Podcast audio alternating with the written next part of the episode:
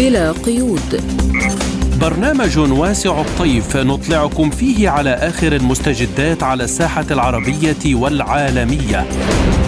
حصريا من إذاعة سبوتنيك. نرحب بكم مستمعي سبوتنيك من استديوهاتنا في موسكو. هذه حلقة جديدة من برنامج بلا قيود. نصحبكم فيها أنا نادية هلال. وأنا نغم كباس والبداية بأبرز العناوين. تصعيد الصراع في قطاع غزة. نظام كييف يعاني من نقص في جنوده. القوات المسلحة السعودية في حالة تأهب قسوة بسبب اشتباكات مع مقاتلين من حركة أنصار الله. لازلتم تستمعون إلى برنامج بلا قيود. ونبدأ بالتفاصيل اعترفت السلطات الإسرائيلية بوجود خطة لإعادة توطين 2.3 مليون من سكان قطاع غزة في مصر حيث تم نشر التفاصيل في وثيقة تم التحقق منها من وزارة المخابرات الإسرائيلية في الثالث عشر من أكتوبر تشرين الأول إلى أن التهجير القسري للمدنيين من غزة إلى مصر سيؤدي إلى نتائج استراتيجية إيجابية وطويلة المدى. وتنص الوثيقة الاستشارية على عملية من ثلاث مراحل بما في ذلك إنشاء مدن الخيام في سيناء وفتح الممر الإنساني يليها بناء مدن في شمال سيناء ولن تكون هناك عودة منها إلى غزة. وفي بيان تلفزيوني أمام اجتماع لأعضاء مجلس الأمن الروسي والحكومة ورؤساء وكالات إنفاذ القانون حمل الرئيس الروسي فلاديمير بوتين الغرب مسؤولية الأزمة في الشرق الأوسط حيث قال إن أولئك الذين يقفون وراء الصراع في الشرق الأوسط والأزمات الإقليمية الأخرى سوف يستخدمون عواقبه المدمرة لزرع الكراهية وتأليب الناس في جميع أنحاء العالم. وهذا هو الهدف الأناني الحقيقي لهؤلاء الجيوسياسيين. نحن نذكر جيدا كيف بدأت الجولة الحالية من أزمة الشرق الأوسط بهجوم إرهابي ضد المدنيين من إسرائيل ودول أخرى على أراضي هذه الدولة. ولكننا نرى أيضا أنهم بدلا من معاقبة المجرمين والإرهابيين للأسف بدأوا بالانتقام من المدنيين على مبدأ المسؤولية الجماعية. إن الأحداث الفظيعة التي تجري الآن في قطاع غزة حيث يقتل مئات الآلاف من الأبرياء بشكل عشوائي والذين ليس لديهم مكان يهربون إليه ولا مكان يختبئون فيه من القصف لا يمكن تبريرها بأي شيء. عندما تنظر إلى الأطفال الملطخين بالدماء وإلى الأطفال القتلى وإلى معاناة النساء والمسنين وكيف يموت الأطباء لا يمكنك إلا أن تبكي بكل قهر. نحن يمكن أن نسمح لأنفسنا بالاسترشاد بالعواطف وعلينا أن نفهم بوضوح من يقف حقا وراء مأساة شعوب الشرق الأوسط ومناطق أخرى من العالم ومن ينظم هذه الفوضى القاتلة ومن يستفيد منها. اليوم في رأيي أصبح هذا بالفعل واضحا للجميع. فالعملاء يتصرفون بصراحة ووقاحة. إن النخب الحاكمة الحالية في الولايات المتحدة وأتباعها هم المستفيدون الرئيسيون من عدم الاستقرار العالمي يستخرجون منه ريع دمهم واستراتيجيتهم واضحة أيضا. إن الولايات المتحدة كقوة عظمى عالمية تضعف وتفقد مكانتها والجميع يعرف حتى من خلال مؤشرات الاقتصاد العالمي. إن العالم الأمريكي كقوة مهيمنة واحدة ينهار ويختفي ليصبح هذا العالم تدريجيا شيئا من الماضي. وفي فلسطين أعلنت حماس عن عملية ناجحة ضد الجيش الإسرائيلي في الضفة الغربية حيث استهدفت كتائب القسام الجناح العسكري لحركة حماس الفلسطينية القوات الإسرائيلية قرب معبر كرم أبو سالم بقذائف الهاون. من جهته أعلن الجيش الإسرائيلي عن ارتفاع عدد قتلى الجنود الإسرائيليين إلى 315 جندي. وللحديث عن آخر تطورات الصراع الفلسطيني الإسرائيلي ينضم إلينا عبر الهاتف الأمين العام لجبهة التحرير الفلسطينية وعضو اللجنة التنفيذية لمنظمة التحرير الفلسطينية الأستاذ واصل أبو يوسف.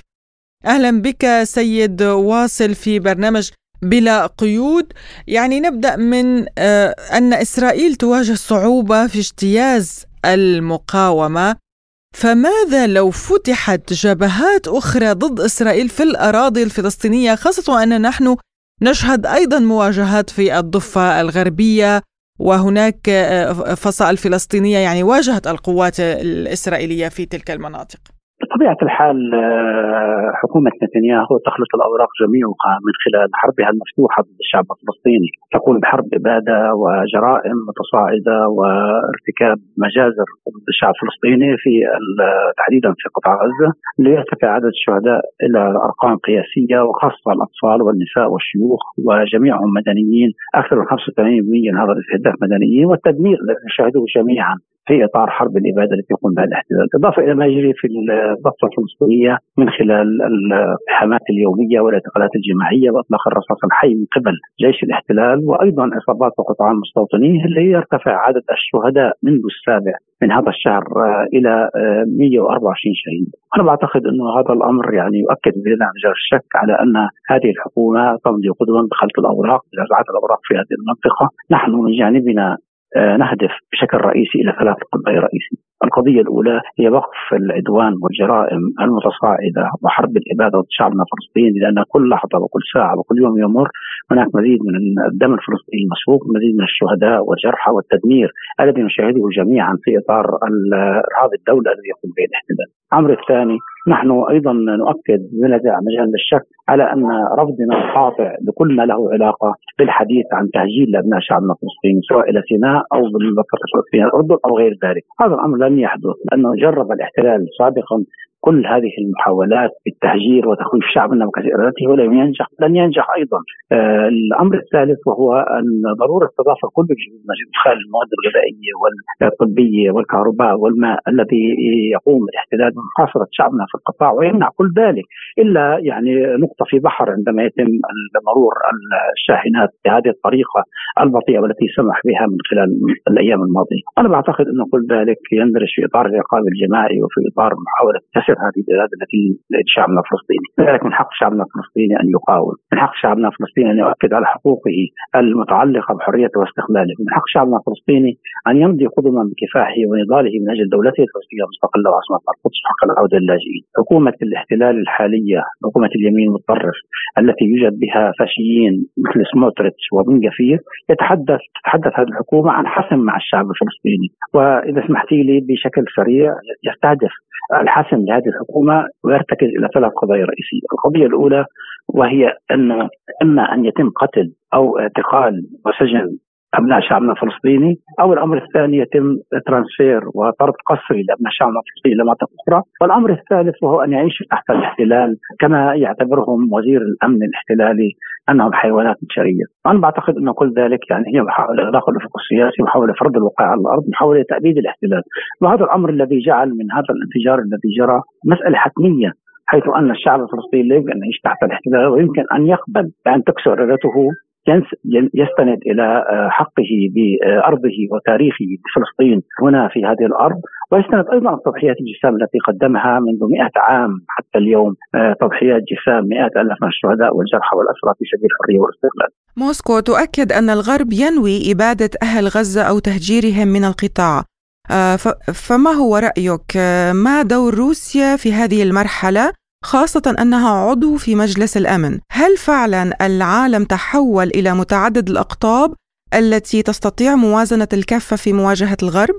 أنا بعتقد الموقف الروسي هو موقف آه، دائما يدعم آه، القضية الفلسطينية ونضال وكفاح الشعب الفلسطيني من أجل حريته واستقلاله، ويؤكد على قرارات الشرعيه الدولية والقانون الدولي اللي تضمن حقوق الشعب الفلسطيني بالوصول إلى دولة فلسطينية مستقلة وعاصمه القدس وحق العودة للاجئين، هذا الموقف الروسي الذي دائما يؤكد على ذلك، وأنا بعتقد أنه يعني أيضا الرئيس بوتين بكل تصريحاته خلال هذه المجال التي تعرض لها الشعب الفلسطيني كان واضح تماما بأهمية وقف هذه المجزره، أهمية فتح سياسي أهمية عقد مؤتمر دولي على قاعدة تنفيذ قرارات الدوليه والقانون الدولي بما يضمن حقوق شعبنا الفلسطيني، هذا الأمر المهم. لذلك نحن آه، نقدر ونثمن عاليا الموقف الروسي الذي يعمل من أجل وقف هذه المجزره التي تعرض لها شعبنا الفلسطيني، دعيني أشير لمسألة هامة. ربما إنه آه، في الحرب التي جرت آه، في أوكرانيا كان منذ اللحظات الأولى تلك الحرب اتهامات لروسيا بقتل الأطفال غير ذلك من وقامت المحكمة الجنائية الدولية في إطار تسييس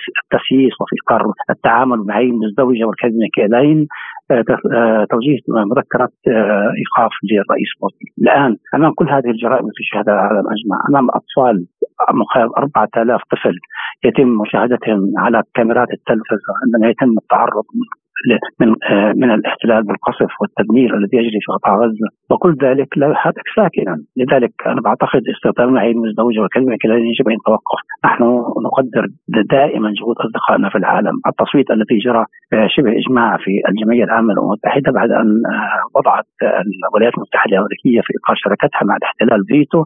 من أجل اجهاض ذلك القرار ذهبنا إلى متحدون من أجل استئناف الجمعية العامة للامم المتحده وكان هناك العدد الكبير الذين صوتوا بجانبنا. فيها روسيا والصين في العالم. لذلك المسيرات التي والمظاهرات التي تخرج في معظم دول العالم تؤكد على المطالبة بوقف هذه الحرب الإبادة التي لها الشعب الفلسطيني، تطالب بوصول الشعب الفلسطيني للحريه والاستقلال، وبالتالي نحن أيضا لسنا في جزيرة معزولة نستمد نضالنا وكفاحنا من اصدقائنا من ما يتم الاستناد إليه بأشقائنا وأصدقائنا الذين يقفوا لجنب الشعب الفلسطيني. وهذه الجماهير في معظم دول العالم التي تخرج بالمئات الألاف والتي تؤكد على أهمية وقف حرب الإبادة وأهمية الوصول للشعب الفلسطيني لحريته واستقلاله، اذا نستمد كل نضالنا وكفاحنا والتمسك بحقوقنا من انتصار شعبنا الفلسطيني ومن أيضا صموده على الأرض. ومن دعم أصدقائنا وأشقائنا في مقدمتهم روسيا والصين والعديد من الدول التي تقف إلى جانب شعبنا الفلسطيني، لن ننسى هذا الموقف الروسي الذي دائما يجسد موقفا مبدئيا بالوقوف إلى جانب نضال وكفاح شعبنا الفلسطيني وهو ليس جديد بالمناسبة. يعني عن حديثك آه، حول الصين. الصين اليوم تدعو إلى تسوية سلمية في أوكرانيا وأيضا في قطاع غزة. هل تتوقع أن يستجيب الغرب لهذا النداء الصيني خاصة أن الغرب من يعرقل التسوية ومن هو طرف أساسي إن كان في أوكرانيا أو في قطاع غزة؟ وما هي آلية الوصول إلى السلام حسب الخطة الصينية برأيك؟ أنا بعتقد واضح تماما أنه لن يستجيب لأن هناك دعم أمريكي وشراكة أمريكية في هذا العدوان المستمر اولا بتوفير كل الموارد والإمكانيات لأوكرانيا في هذه المواجهة التي تقوم روسيا في خوض معركة منذ أشهر طويلة والتي يعني بطبيعة الحال تحاول دول الغرب والاستعمار إشغال روسيا في قضايا ليست ذات يعني ثقل فيما يتعلق بدورها كدولة عظمى. بالتالي يعني أنا بعتقد إنه أيضا في هنا في فلسطين واضح تماما إنه يعني هذه الشراكة توصلت إلى البوارج والأسلحة وجسر المعدات التي تصل والدعم الاقتصادي وتبني المواقف. ووجود حتى عندما جاء وزير الخارجية الأمريكي والرئيس الأمريكي بايدن إلى المنطقة اجتمع حتى مع ما يسمى المجلس الوزاري المصغر مجلس الحرب الذي يقوم بحرب مفتوحه ضد الشعب الفلسطيني. لذلك هذه الشراكة ليست خافية على أحد. وبالتالي نحاول طمس الدور الروسي ولكن أنا بعتقد أن الدور الروسي دور مهم. آه، الدور الروسي والدور الصيني آه، في سياق المعادلات التي تجري في العالم أجمع، نحن لن آه، قلنا سابقا أنه لن يكون هناك استفراد في القرار الدولي، هناك دول أيضا ذات أهمية في إطار العالم الذي نحن جزء منه، وبالتالي نحن نستند أيضا إلى أصدقائنا في العالم الروس والصين والعديد من الدول الاخرى التي جانب نضال شعبنا الفلسطيني. أستاذي الكريم هل من كلمة أو رسالة آه، يعني ترغب بتوجيهها إلى مستمعينا؟ إحنا كشعب فلسطيني من 100 سنة نقاتل ونتمسك بالحقوق وأيضا من أجل حرية واستقلال شعبنا الفلسطيني، جرب الاحتلال بكل أدواته وبدعم من كل الدول الاستعمارية أن يطمس هذه الحقوق ونشطب نضال وكفاح شعبنا ونشطب القضية الفلسطينيه، ليس الأمر منذ سنوات طويلة من قادة الاحتلال أنهم يقولوا أنه لا يوجد شعب فلسطيني. وتكرر الأمر في هذه الحكومة حكومة نتنياهو الذي تحدث أحد وزرائها أنه لا يوجد شعب فلسطيني. وكما قلت تحدث وزير أمنها أن الفلسطينيون هم وحوش بشرية. تصور ذلك وأيضا ما يقوم به من محاولة لفرض الواقع على الأرض، نحن نقول أن الصمود الفلسطيني، المقاومه الفلسطينية، الانتصار الفلسطيني سيتحقق لن جهدا في سبيل التمسك بتضحيات شعبنا الفلسطيني وبحقوقنا المسنوده بقرارات الشرعيه الدولية والقانون الدولي من أجل حرية شعبنا الفلسطيني وبناء دولتنا الفلسطينية المستقلة وعاصمتها القدس وحق العودة للاجئين. هذه مسألة حتمية بالنسبة لنا ونحن إرادتنا لن تكسر وأيضا إرادة التمسك بالحقوق والثوابت والمقاومة لن تكسر. شكرا جزيلا. الأمين العام لجبهة التحرير الفلسطينية وعضو اللجنة التنفيذية لمنظمة التحرير الفلسطينية الأستاذ واصل أبو يوسف شكرا لك على هذه المداخلة. لازلتم تستمعون إلى برنامج بلا قيود. وإلى الشأن الأوكراني حيث أفادت وسائل إعلام غربية أنه لن يكون لدى أوكرانيا العدد الكافي من الأشخاص لاستخدام الأسلحة الغربية حتى لو قامت الولايات المتحدة وحلفاؤها بتزويد كييف بكل الأسلحة الموعودة لأن صفوف القوات الأوكرانية فارغة لدرجة أن متوسط عمر المجندين ارتفع إلى 43 عاما وأن بعض العسكريين الأوكرانيين يرفضون المضي في الهجوم حتى بناء على أوامر مباشرة من مكتب زيلينسكي.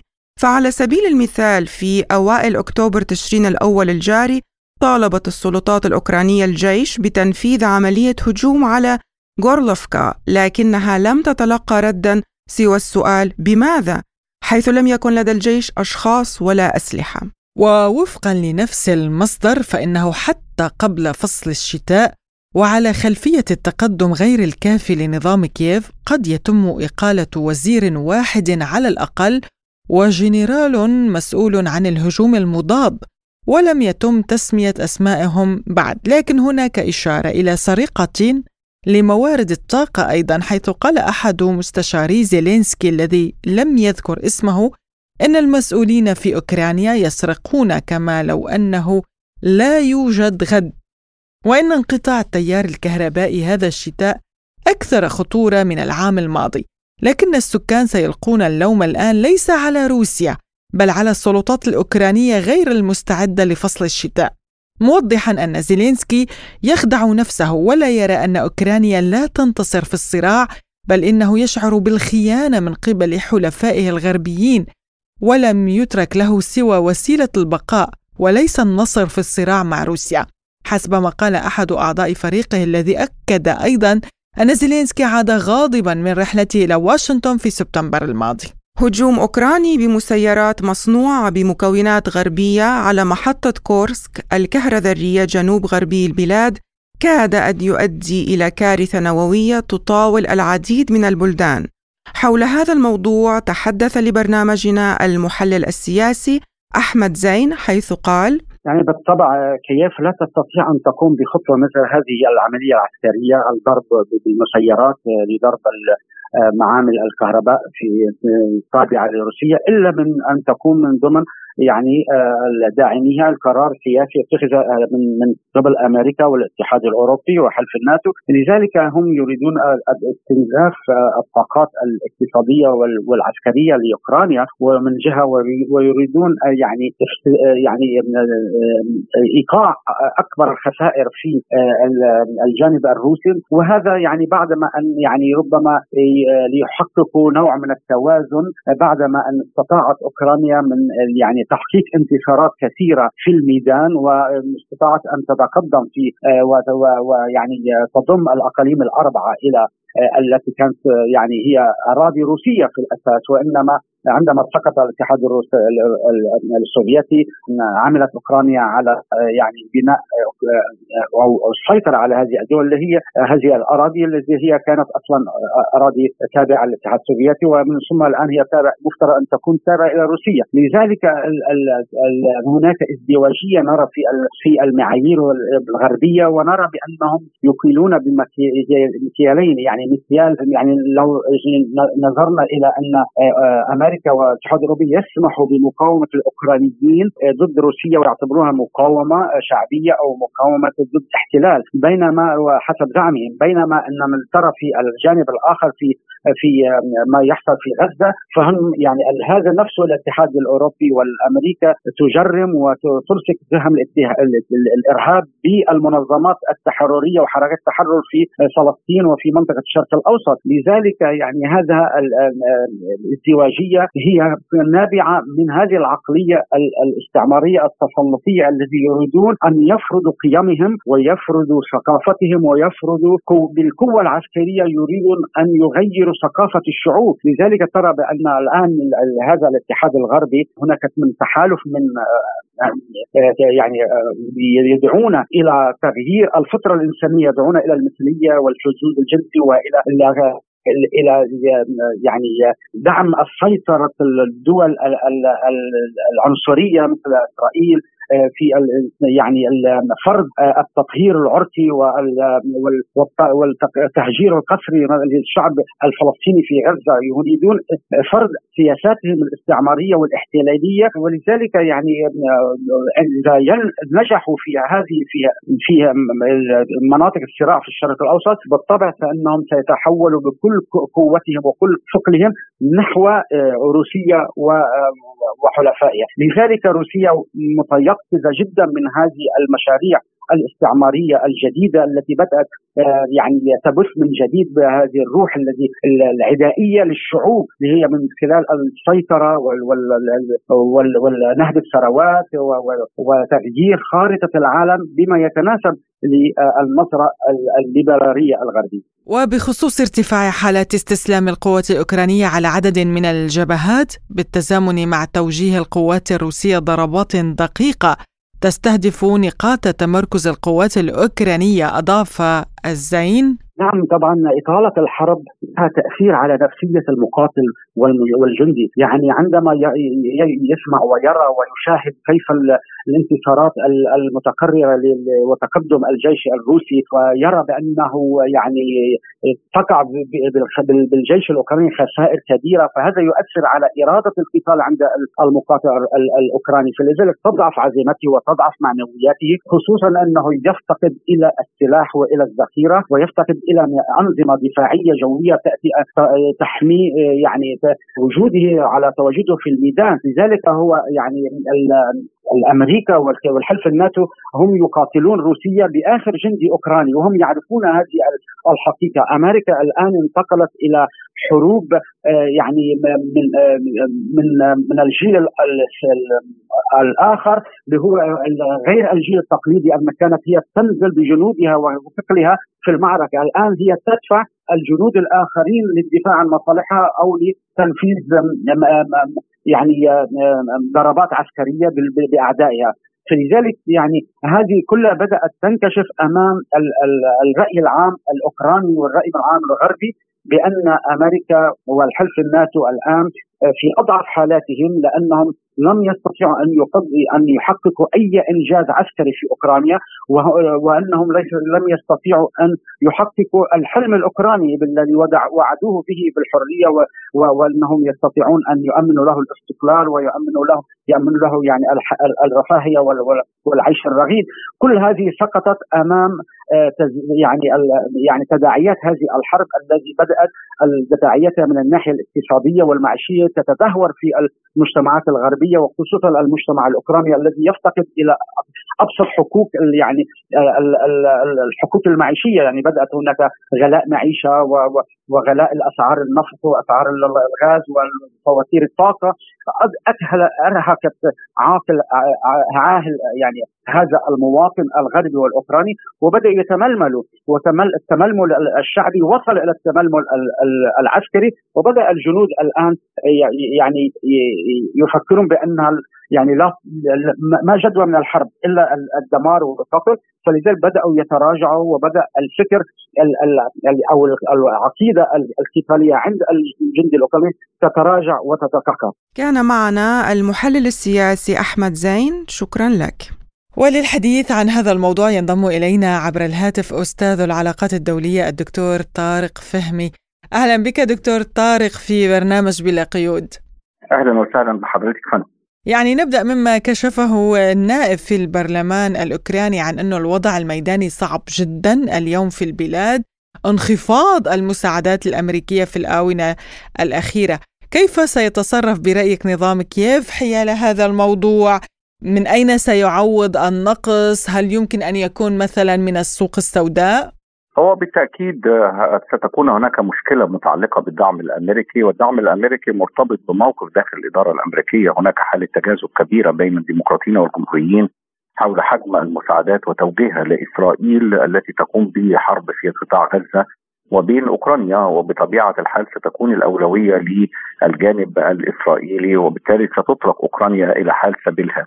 ما هو البديل؟ أنا أعتقد إنه كان هذا الأمر متوقعا في ظل تصميم الإدارة الأمريكية وفي اتخاذ قرارات غير مسبوقة آه، بالنسبة لأوكرانيا وبالنسبة لدعم أوكرانيا في الفترة الماضية والتسليح المباشر ودفع القوى الغربية لتقديم المساعدات العسكرية وغيره، أنا في تقديري إنه آه، لن تكون هناك أسواق بديلة، الأسواق البديلة هي أسواق سوداء متعلقة بالتعاملات الخارجية وربما أوكرانيا ستلجأ إلى هذا بالإضافة بطبيعه الحال للضغط على الأوروبيين ليعوضوا النقص بالنسبة للدعم الأمريكي. وتشكك كثيرا في هذا في ظل الأزمات الدولية الراهنة ومخاوف الدول الغربية أيضا من امتداد المواجهات لها، الدعم الأمريكي كان دعما كبيرا وكان دعم مخصص من الكونغرس ولكن لم يتم التوزيع عليه.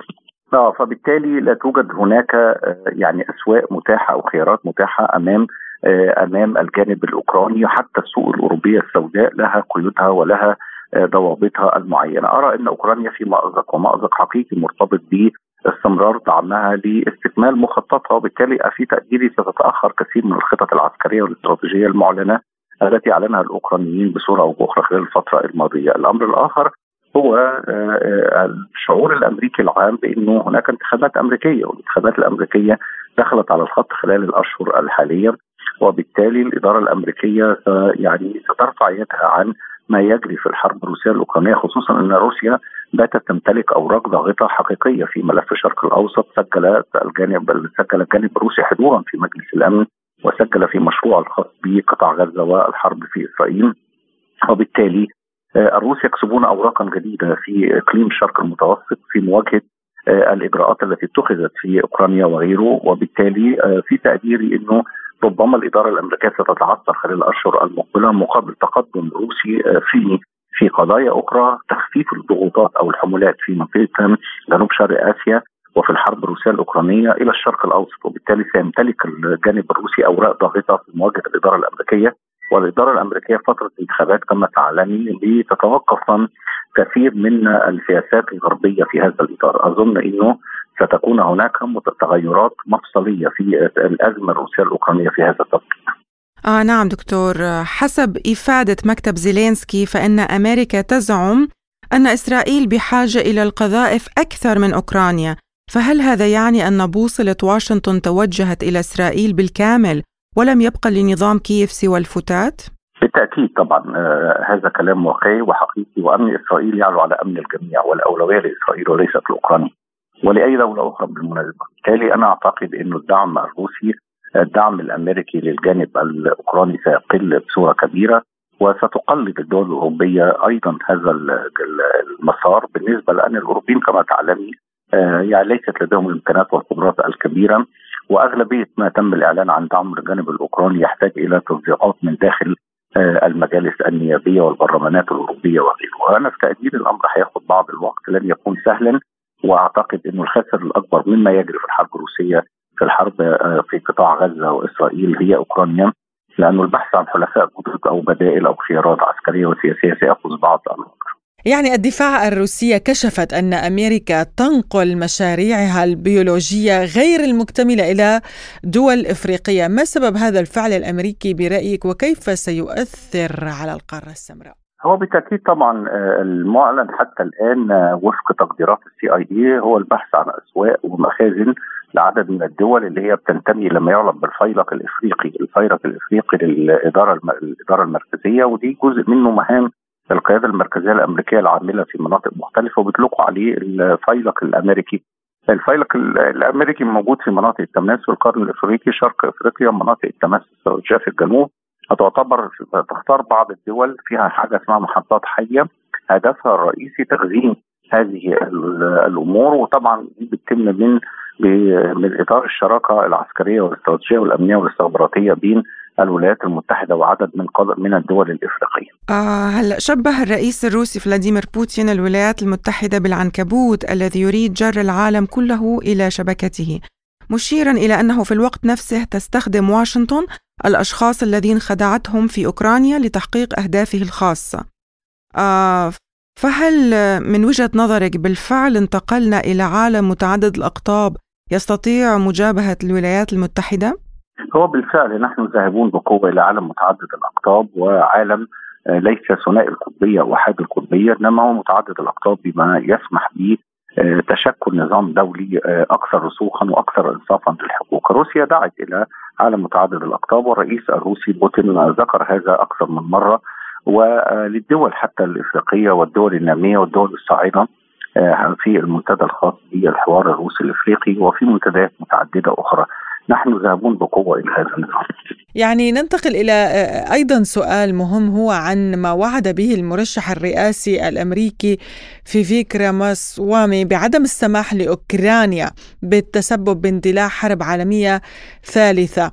ولكن هل هذا الصراع آه، برأيك دكتور مرهون بشخص جو بايدن لوحده أو أن قرار أصلا الحرب في أوكرانيا اتخذ بالدولة العميقة الأمريكية كما هو معتاد. يعني القرارات تؤخذ ليس من قبل شخص واحد.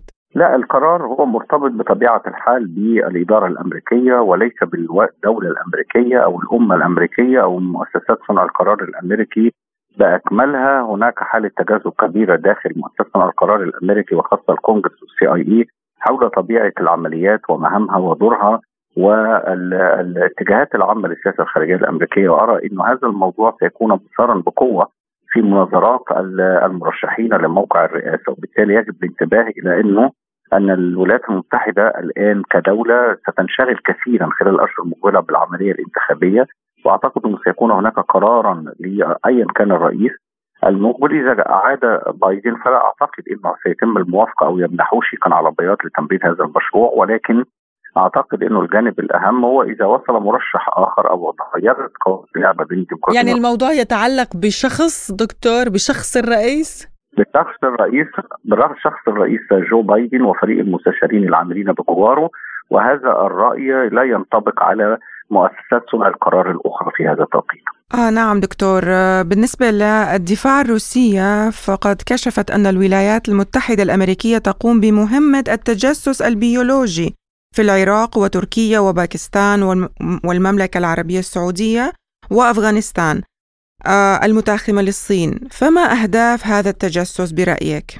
يعني هذه أساليب آه، معتادة في آه، يعني في تقنيات عمل الأجهزة الاستخباراتية أو اجهزه المعلومات عموما لا أرى فيه غريبا لأنه كما تعلمي هذه لغة معترف بها في تعاملات أجهزة المعلومات في العالم بمعنى أصح هو بيتم توظيفها واستخدامها عند الضرورة لكن بطبيعة الحال هناك ارتباطات ومرتكزات في التعامل معها لكن هذه لغة أجهزة الاستخبارات وهذه تقنيات عملها ومهامها واولوياتها باستخدام مثل هذه الأمور. نعم شكرا جزيلا لك أستاذ العلاقات الدولية الدكتور طارق فهمي كنت معنا عبر الهاتف من القاهرة شكرا لك دكتور. شكرا لك دكتور. شكرا لحضرتك شكرا لحضرتك. لازلتم تستمعون إلى برنامج بلا قيود. وإلى الملف السعودي اليمني حيث أعلنت القوات المسلحة السعودية أنها في حالة تأهب قصوى بسبب اشتباكات مع مقاتلين من حركة أنصار الله اليمنية حيث قتل أربعة جنود سعوديين في مواجهة مع قوات أنصار الله في منطقة جازان الجبلية جنوب غربي المملكة على الحدود مع اليمن. واعترضت قوات الدفاع السعودية صاروخا أطلقه أنصار الله في الأراضي السعودية في الأسابيع القليلة الماضية. وللحديث عن هذا الموضوع تنضم إلينا من اليمن الناشطة السياسية في حركة أنصار الله الأستاذة إشراق المآخذي. أهلا بك أستاذتي الكريمة. آه لو أخذنا بعين الاعتبار تحذيرات إيران من أن جبهات جديدة ستفتح ضد الولايات المتحدة إذا واصلت دعمها لإسرائيل.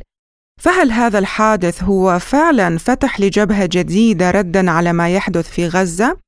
أم أنها محاولات غربية لإشعال بؤرة نزاع آخر في العالم العربي؟ آه، طبعا آه، في اليمن ما بين اليمن والسعودية هي حرب مستمرة آه، منذ تسع سنوات هناك هدنة ليست هدنة متفق عليها.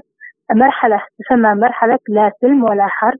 وقد يعني تكلم السيد عبد الملك بدر الدين الحوثي عن هذه المرحلة التي قال لن تدوم لأنهم لم يخضوا يعني كانت هناك مطالب إنسانية منها صرف المرتبات فتح مطار صنعاء آه، وفتح يعني المنافذ آه، البرية وكذلك إطلاق المعتقلين وغيرها.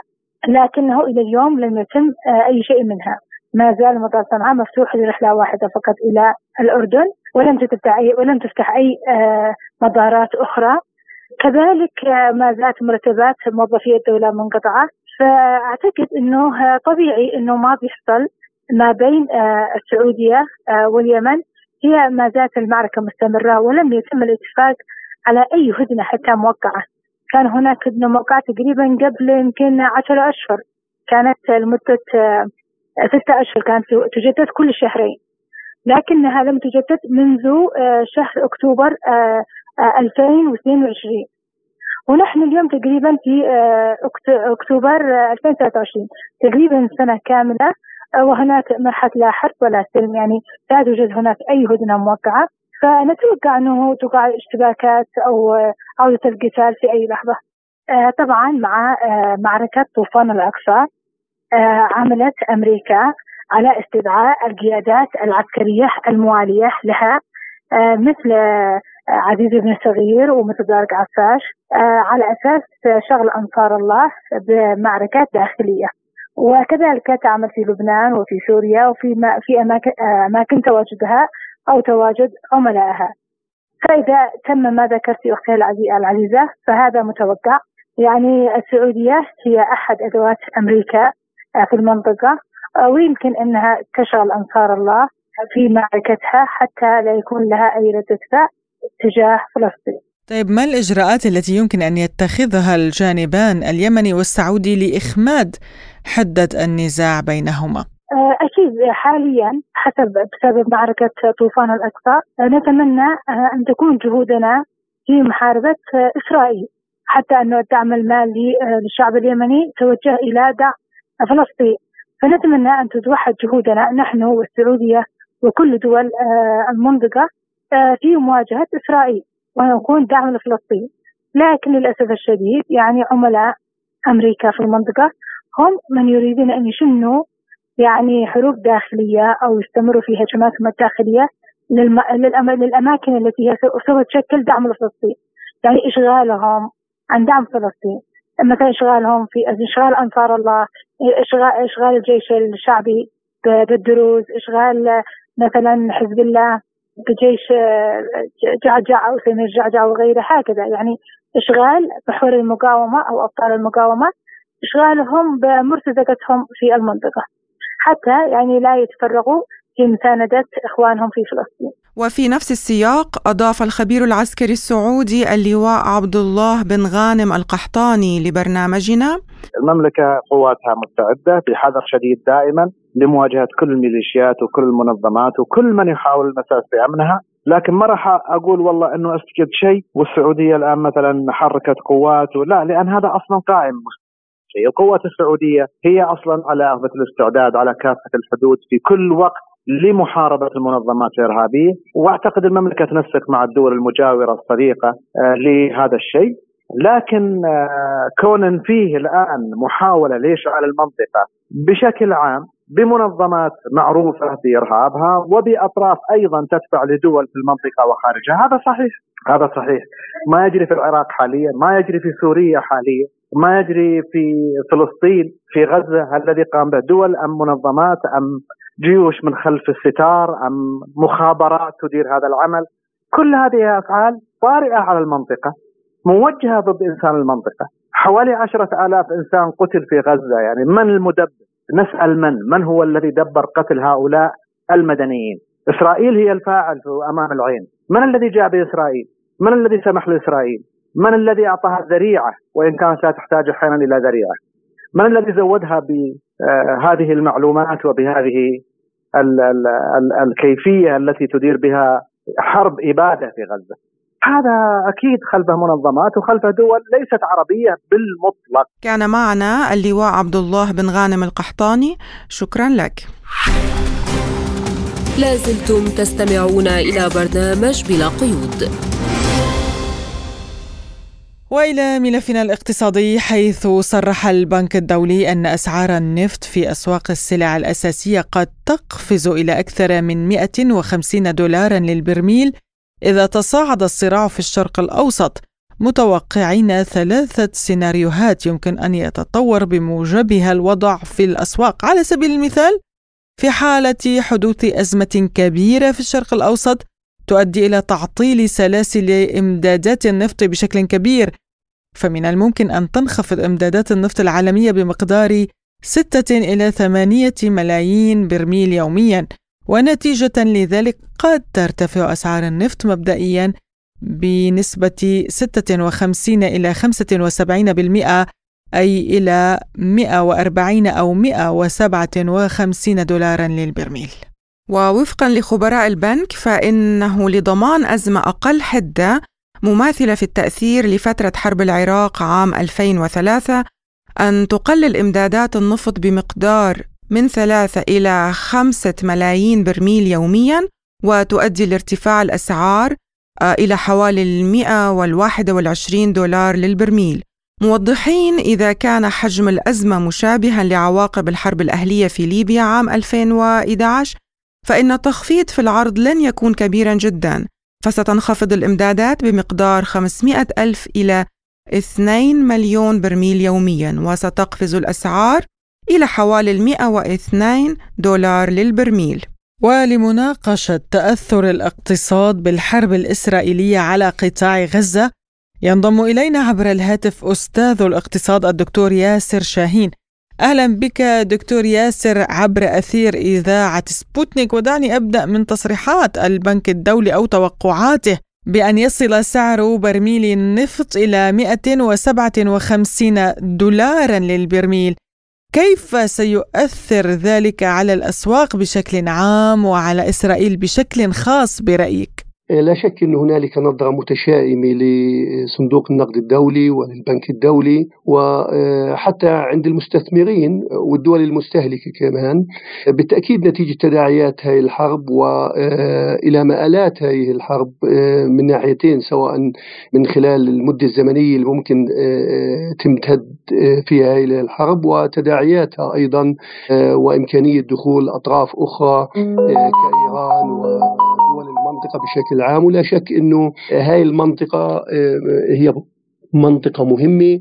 منطقة مهمة من ناحية اللي هي آه، كمزودين للنفط اللي هي إيران والسعودية آه، والعراق بشكل عام بالإضافة إلى أنها منطقة مهمة لإمدادات النفط والمواد الأساسية أيضا وممرات مهمة واصلة بين العالم بشكل عام. وبالتالي أعتقد يعني وطبعا بالتأكيد يعني أصلا سعر برميل النفط ارتفع من مستويات 85 للبرميل اليوم نحكي عن حوالي تقريبا 95 أو أكثر وبالتالي آه، مدى امتداد هذه الحرب على غزة وتداعياتها وإمكانيات دخول أطراف أخرى بالتأكيد سينعكس بشكل سلبي على كل أسعار السلع الأساسية وأكيد أسعار الطاقة والغاز تحديدا بشكل عام. يعني أنا لا أعتقد أنه ممكن يصل البرميل لهذه المستويات ولكن يعني بالتأكيد سينعكس بشكل سلبي على أسعار النفط وقد تتجاوز أسعار النفط ال 120 دولار آه، للبرميل. آه، زي ما حكيت إنه هذا بيعتمد المضبوط بشكل آه، مباشر على آه، تداعيات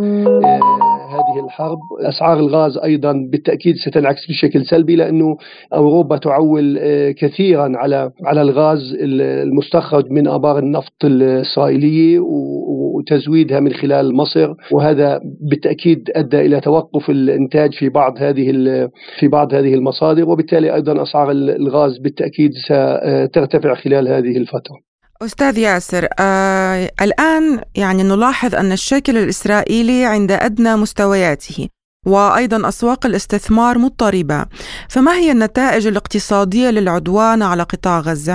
بالنسبة لموضوع الشيكل لا شك أنه آه يعني مشكلة الشيكل وسعر صرف الشيكل مقابل الدولار هي في ضعف الشيكل بشكل عام. والسبب اللي هي الحرب المضبوط وهذا انعكس بشكل سلبي على سعر صرف الشيكل مقابل الدولار بحيث إنه بنحكي عن تغير بحدود 7% اللي هو من 3.8 شيكل للدولار. ارتفع اليوم نحكي عن 4.08 وإحنا بنحكي عن 7% وهي أثرت بشكل سلبي المضبوط على أو تداعيات سلبية على أسعار السلع والخدمات وتركت حاله من التضخم في الاقتصاد الإسرائيلي ويعني واستدعت إنه البنك المركزي الإسرائيلي المضبوط يتدخل آه، من خلال ضخ حوالي 30 مليار دولار لوقف النزيف أو التآكل في القيمة الشرائية للشيكل مقابل الدولار. صحيح أن الدولار حتى مؤشر الدولار عالميا المضبوط هو ارتفع من حوالي تقريبا 1.4 اليوم نحكي عن 1.63 مقابل سلة العملات. ولكن الأهم أو السبب الرئيسي كان هو ضعف الشيكل نتيجة التداعيات الاقتصادية الموجودة في الاقتصاد الإسرائيلي في كل القطاعات وأهمها قطاع التكنولوجيا اللي تأثر بشكل كبير. وأعتقد السبب الرئيسي كان اللي هو يمكن استدعاء حوالي 300 ألف من من الاحتياط للجيش وهذا انعكس بشكل سلبي على كل القطاعات بس أهمها قطاع التكنولوجيا والقطاع الزراعي وقطاع الأسلحة وأعتقد أنه يعني 15% ل 20% من ناتج من الناتج من هذه القطاعات هي توقفت أو تأثرت بشكل مباشر وهذا انعكس بشكل سلبي على مجمل الاقتصاد الإسرائيلي بشكل عام. بحيث يعني نستطيع الحديث عن تراجع في توقعات النمو في الاقتصاد الإسرائيلي خلال الربع الأخير هذا بمقدار من 3 ل 5% وعلى 5% سنة 2024 وهذا انعكس الحقيقة بشكل سلبي على نسب التضخم في إسرائيل على كثير من السلع وسلاسل الإمداد خصوصا عندما كنا بنحكي عن تعطل النقل في مطار بن والمنافذ البحرية البحري وهذا الكلام الحقيقة ممكن يكون له تأثيرات سلبية أكثر إذا ما امتدت مدة هذه الحرب وإذا ما دخلت جهات أخرى وبالتالي اتسع نطاق العمليات العسكرية سينعكس بشكل سلبي على الاقتصاد الإسرائيلي بشكل عام بالتأكيد إلى تداعيات خطيرة خصوصا إذا ما دخلت جهات جديدة وما تم التعرض لمصادر إنتاج الغاز في البحر الأبيض المتوسط وإذا ما تم التعرض لمصافي تكير البترول في حيفا سينعكس بشكل سلبي الحقيقة على أسعار النفط وعلى تزويد النفط في داخل إسرائيل. بالنسبة لوضع غزة بالتأكيد في مشكلة جذرية في موضوع إمدادات الطاقة. اليوم المستشفيات واحدة من المستشفيات اليوم يعني انقطع عنها الطاقة بشكل نهائي. حتى الطاقة الاستعمالات الشخصية هي غير موجودة أو معدومة تقريبا في قطاع غزة بشكل عام وهي تقتصر فقط على المستشفيات. وهي مسؤولية الحقيقة الجانب المصري من مدخل إنساني بحت ويمكن الجانب المصري أن يساهم في تزويد قطاع غزة بما يلزم من الطاقة على الأقل للجوانب الإنسانية وإن لم يكن للحاجات الشخصية. كميات النفط اللي دخلت هي كانت يعني كميات بسيطة جدا لا تتجاوز ال 20 شاحنة أو 50 شاحنة نفط اللي دخلن وهي لا تكفي الحقيقة حتى لتزويد الحاجات الأساسية للمستشفيات. غزة بحاجة إلى أكثر من 100 شاحنة من النفط يوميا إن لم يكن 200 شاحنة يوميا. على الأقل هي بحاجة ل 100 شاحنة يوميا للاستعمالات الإنسانية اللي هي الحاجات الصحية ولسد حاجة المستشفيات للوفاء باحتياجاتها الأساسية للقيام بواجباتها الإنسانية نعم دكتور يعني ما هي الجهات المستفيدة من ضرب الاقتصادين الإسرائيلي والفلسطيني معا هل مثلا الدول الغربية؟ السؤال الثالث الحقيقة أنه المستفيد الأول والأخير من كل هذه الحروب اللي بتصير في العالم هي أمريكا بشكل عام. مؤسف أنه يعني السبب الرئيسي لكل هذه النزاعات والحروب سواء الحرب الروسية الأوكرانية أو تغذية النزاع الإسرائيلي والحرب على غزة كان بإمكان الجانب الأمريكي الحقيقة أنه ما يكون يعني طرف في الآن قطاع غزة بلا كهرباء وبدون وقود ولا أي مقومات للحياة، فهل تتوقعون أي إمدادات للطاقة من دول الجوار؟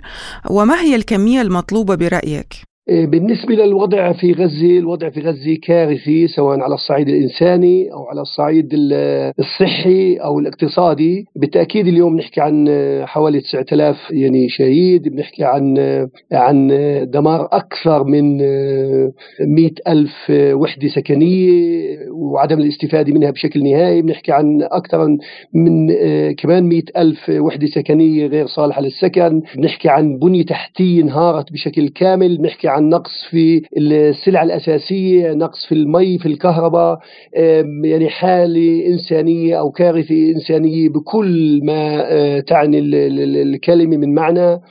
وهي الحقيقة مسؤولية الأمم المتحدة، مسؤولية المؤسسات الدولية، مؤسسات المجتمع المدني، مسؤولية الجميع المضبوط من خلال هذا يعني هاي الحرب الطاحنة، هاي الحرب الظالمة، هاي الحرب الحقيقة على الإنسان، على الشجر والحجر، على كل شيء في قطاع غزة، وهذا بالتأكيد انعكس بشكل سلبي على كل معطيات الحياة، اجزم إنه يعني غزة تحتاج إلى خمس سنوات لإعادة يعني ترميم أو إعادة الحياة لطبيعتها وحتى بعد هيك كمان للأسف الشديد إنه يعني استخدام هذه الانواع من الأسلحة الفسفورية وحتى البعض منها أعتقد إنه بعضها يعني مواد كيماوية ستع... يعني ستنعكس بشكل سلبي حتى على الجانب الزراعي. والصحي والحياتي للمواطن ولل... وللشجر ولكل شيء في غزة. كارثه ما يحصل في قطاع غزة هو كارثه إنسانية بيئية صحية اقتصادية بكل ما للكلمه من معنى. نتحدث عن مليارات الدولارات إذا ما بدنا نرجع البنية التحتية في قطاع غزة إلى وضعها الطبيعي. نحتاج لسنوات لا تقل عن خمس سنوات لإعادة البناء وإعادة شبكات المياه والكهرباء والبيئة الزراعية الصالحه اللي كانوا بيعيشوا عليها وأنت بتعرفي إنه قطاع غزة يعتمد بشكل 50% من اعتماد أهل غزة بيعتمد على الزراعة إن لم يكن أكثر. وبالتالي نتحدث عن كارثة بيئية كارثة إنسانية بكل ما للكلمة من معنى.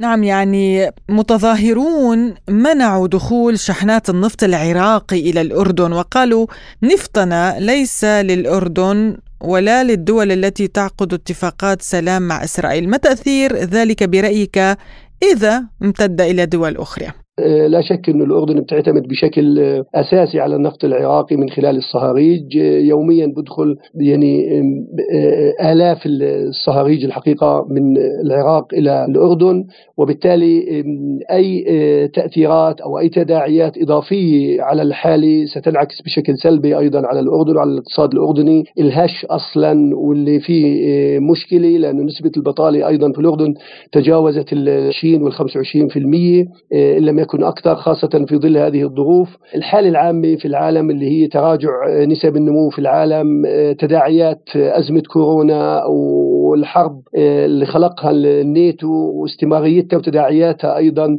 بين أوكرانيا وبين روسيا ما زالت تؤثر على الاقتصاد العالمي ودخول يعني الحرب على غزة وتداعياتها الخطيرة في منطقة الشرق الأوسط ووجودها في بؤرة مهمة جدا زي ما حكيت سواء من ناحية إمدادات الغاز أو من ناحية إمدادات النفط أو من ناحية سلاسل الإمدادات العالمية للسلع الأساسية. كل هاي تداعيات خطيرة وتؤشر الحقيقة لأزمة اقتصادية وأزمة مالية وتداعيات قد تكلف العالم الكثير وقد تنعكس بشكل سلبي على نسب النمو في سنتين 2024 أصلا الاقتصاد العالمي يعاني من أزمة مالية الاقتصاد العالمي يعني يعاني من نسب تضخم وهذا كان الحقيقة السبب في اللي هي رفع أسعار الفوائد وأسعار الفوائد رفعها أيضا وتداعيات رفعها أثرت بشكل سلبي كمان على نسب النمو. نتيجة زيادة تكاليف الإنتاج وتكاليف التأمين وتكاليف الإمداد وتكاليف الإنتاج كلها بشكل عام كلها تداعيات خطيرة الحقيقة ويعني تؤشر إلى يعني نظام عالمي اقتصادي هش نظام عالمي اقتصادي سيعاني من التضخم سيعاني من ارتفاع نسب البطالة سيعاني من ارتفاع مؤشرات البطالة في العالم آه، والحقيقة كل هذه تداعيات أيضا لتداخلات آه، أو آه، تداعيات سياسية واجتماعية خطيرة على مستوى العالم وستؤدي إلى نزاعات أعتقد يعني في مناطق وقد تمتد إلى مناطق أكثر من ما هو حاصل وموجود. أود الإشارة كمان لموضوع اللي هي المديونية، أنت بتعرف إنه غالبية دول العالم مديونية يعني مديونة أصلا يعني 90% من دول العالم هي مديونة وبالتالي نسبة المديونية أيضا في العالم راح تتفاقم حتى أمريكا اليوم نحكي عن ثلاثة تريليون دولار ديوني ولكن مشكلة أمريكا أنها هي الحقيقة مديونيتها شكلية لأنها هي الدولة الوحيدة اللي بتطبع الدولار دون تغطيته لا من خلال ذهب ولا من خلال عملات أخرى ولا من خلال أي شيء. وهذا انعكاساته خطيرة حتى على استقرار الدول كلها بشكل عام لأن ارتفاع الفوائد سيؤدي إلى زيادة عبء الدين وإلى زيادة اللي هي التكاليف الاجتماعية اللي بتمارسها الدول آه، باتجاه آه، مواطنينها وبالتالي ستزداد المديونية العالمية وهذه الحقيقة هذا الكلام له انعكاسات خطيرة على الحالة الاقتصادية وعلى الوضع الاقتصادي آه، في كل دول العالم. كان معنا أستاذ الاقتصاد الدكتور ياسر شاهين. شكرا لك على هذه المداخلة. لازلتم تستمعون إلى برنامج بلا قيود. وختام الحلقة من موسم الرياض الذي انطلقت فعالياته في نسخته الرابعة تحت شعار بيج تايم وسط حضور جماهيري ضخم وبمشاركة عدد كبير من نجوم الفن والرياضة عربيا وعالميا مثل كريستيانو رونالدو ومايك تايسون ونانسي عجرم وأحمد عز ومحمد هنيدي وأليسا وغيرهم. وشهد حفل الافتتاح نزالا قويا بعنوان Battle of the Baddest بين فرانسيس أنجانو وتايسون فيوري حيث وصفت تلك الليلة بالتاريخية وذات أجواء استثنائية. اختتمت بتتويج أشرس رجل على وجه الأرض ومنها تنطلق أقوى الفعاليات الترفيهية والتجارب العالمية. ولقي ذلك رفضا واسعا من قبل الشعوب العربية بسبب ما يحدث في قطاع غزة من إبادة جماعية بفعل القصف الإسرائيلي. حيث كتب رواد التواصل الاجتماعي إنه رغم الماسي التي تعيشها غزة وحالة الغضب وغليان الشارع العربي أصرت السعودية المضي قدما في إطلاق موسم الرياض الترفيهي دون مراعاة لكل ما يحدث في فلسطين بل ومهاجمة وانتقاد من يطالبها بتأجيل احتفالاتها. وكتب شخص آخر أنه شهدت أولى ليالي موسم الترفيه بالعاصمة الرياض حفلا صاخبا حضره الآلاف من السعوديين والسعوديات بشكل مختلط على الرغم من الفتاوى التي ظهرت مؤخرا لتحريم التظاهرات دعما لفلسطين لما يشوبها من اختلاط بين الرجال والنساء. وأظهر مقطع فيديو تم تداوله على مواقع التواصل الاجتماعي تفاعل السعوديين والسعوديات مع المغنية السعودية موضة الشهراني وهي تحثهم كله يرقص. وبعد الانتقادات اللاذعة التي طالت الفنانة اللبنانية أليسا ووصفها بعديمة الإحساس بدلا من ملكة الإحساس ردت أليسا بمنشور قالت فيه أنا مضطرة للغناء وهذا عملي ورزقي ولن أوقفه ولا يمكن أن نطلب من المهندس أو الطبيب أو أي أحد آخر أن يوقف عمله. ما بقى حدا يزايد علينا بوطنيتنا ومواقفنا. أنا مضطرة أعمل شغلي لأنه لازم أعمل شغلي. بس نحن عارفين شو عم بيصير اليوم. ورح ناخذ دقيقة صمت نوقف كلنا لأجل فلسطين ولأجل كل الشهداء اللي عم بيروحوا. دقيقة صمت نعم يعني وموسم الرياض يجسد التمكين والدعم اللامحدود الذي يحظى به قطاع الترفيه من قبل سمو ولي العهد الأمير محمد آه، بن سلمان ويسهم في رؤية السعودية 2030 ويشكل مثالا على التقدم المستمر في قطاع الترفيه. وأيضا هذه النسخة الرابعة آه، شهدت كما قلنا أكبر نزال ملاكمة بالعالم إضافة إلى أنه آه، شهد إقبالا واسعا في مشاركات القطاع الخاص وتسجيل عدد كبير من الرعايات وصولا إلى تحقيق نسب عالية من العوائد قبل انطلاقة فعالياته. وإن آه، هذا الموسم يعكس اتجاه المملكة نحو الاستدامة الترفيهية من خلال بناء مدن ترفيهية مستدامة.